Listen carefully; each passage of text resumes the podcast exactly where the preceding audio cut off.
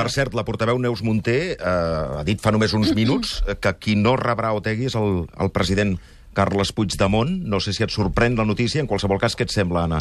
Doncs que segurament també perd una oportunitat d'analitzar el context i intercanviar impressions amb una persona no només que representa, com, com tu mateix deies, doncs, un espai polític molt important al País Basc, sinó que a més és una eh, persona molt, molt formada, I des de molt la culta. perspectiva que no que pot ser que no compartissis cap de les seves idees polítiques. Ah, per suposat. Democràticament, això és eh, Nosaltres al absolutament Parlament possible. compartim cada dia sales de reunions amb persones que no compartim les seves idees polítiques i no per això ens neguem a reunir-nos, faltaria més. Quim Nadal. Em sembla que després de llegir Toni Batista, és a dir, que, que escriu llibres sobre aquest tema, i de llegir i escoltar Urrusolo aquest cap de setmana, no sé si era jo abans d'ahir El al País, País, ahir. Mhm. um, hem d'entendre que les coses han canviat molt i encara canviaran molt més, i han de canviar necessàriament en una determinada direcció.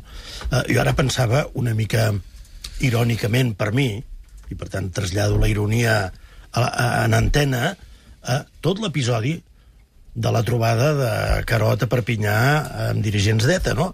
Dius, bueno, I ara eh, les coses han canviat tant i el procés ha fet una evolució tan radical que a, a, a, la polèmica s'esdevé eh, no per fer-ho d'amagat, sinó justament per fer-ho de cara al públic i, i amb les portes obertes del Parlament de Catalunya.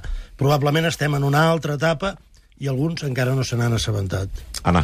O no se n'han assabentat o és que han fet tot el possible o els hagués agradat que aquesta etapa no arribés mai, que seria potser el més preocupant, no? És a dir, eh, Això és allò que deia Rousseau, no dir, alguns van sucar pa mentre estàvem en actiu. No? Ho, ho va dir, em sembla. Mm, Bueno, podríem dir que, que desgraciadament, eh, però dona, dona, Sí. o ja ha donat molts rèdits al conflicte, s'ha parlat molt també de la utilització que, que s'ha fet de les víctimes, jo crec que seria oportú de tancar ja amb aquesta etapa, insisteixo, reconèixer el, el dolor que s'ha generat, un conflicte polític que ha generat moltíssim dolor, I en temes de moltíssima tortura. com deies tu fa una estona. Clar, i, i situar-nos en temes de memòria, de, de reparació i de sentar les condicions perquè els conflictes polítics es puguin resoldre de forma democràtica, que és el que ara l'esquerra Abertzale està, està plantejant.